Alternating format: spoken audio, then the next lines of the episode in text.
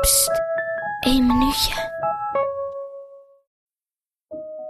Op een dag werden maanvis en makreel verliefd. Ze hadden elkaar nooit gezien, maar wel over elkaar gehoord en dat was genoeg. Het water waarin makreel woonde was zout en het water waarin maanvis woonde was zoet. Ik wil je zien, riep maanvis. Ik wil je kietelen, fluisterde makreel. Maar ze wisten dat het niet kon. Tot op een ochtend maanvis makreel zo miste dat ze moest huilen. Hele emmers tranen zo zilt als de zee. Ik kom je troosten, riep makreel.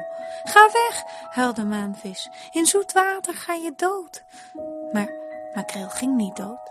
Hij pakte maanvis stevig vast en haar tranen waren zout genoeg voor twee. Voordat hij wegzwom, kietelde hij haar en ze lachte. En voortaan, als maanvis aan kietelen dacht en zo hard moest lachen dat de tranen over haar wangen rolden, dan wist ze, ik krijg bezoek.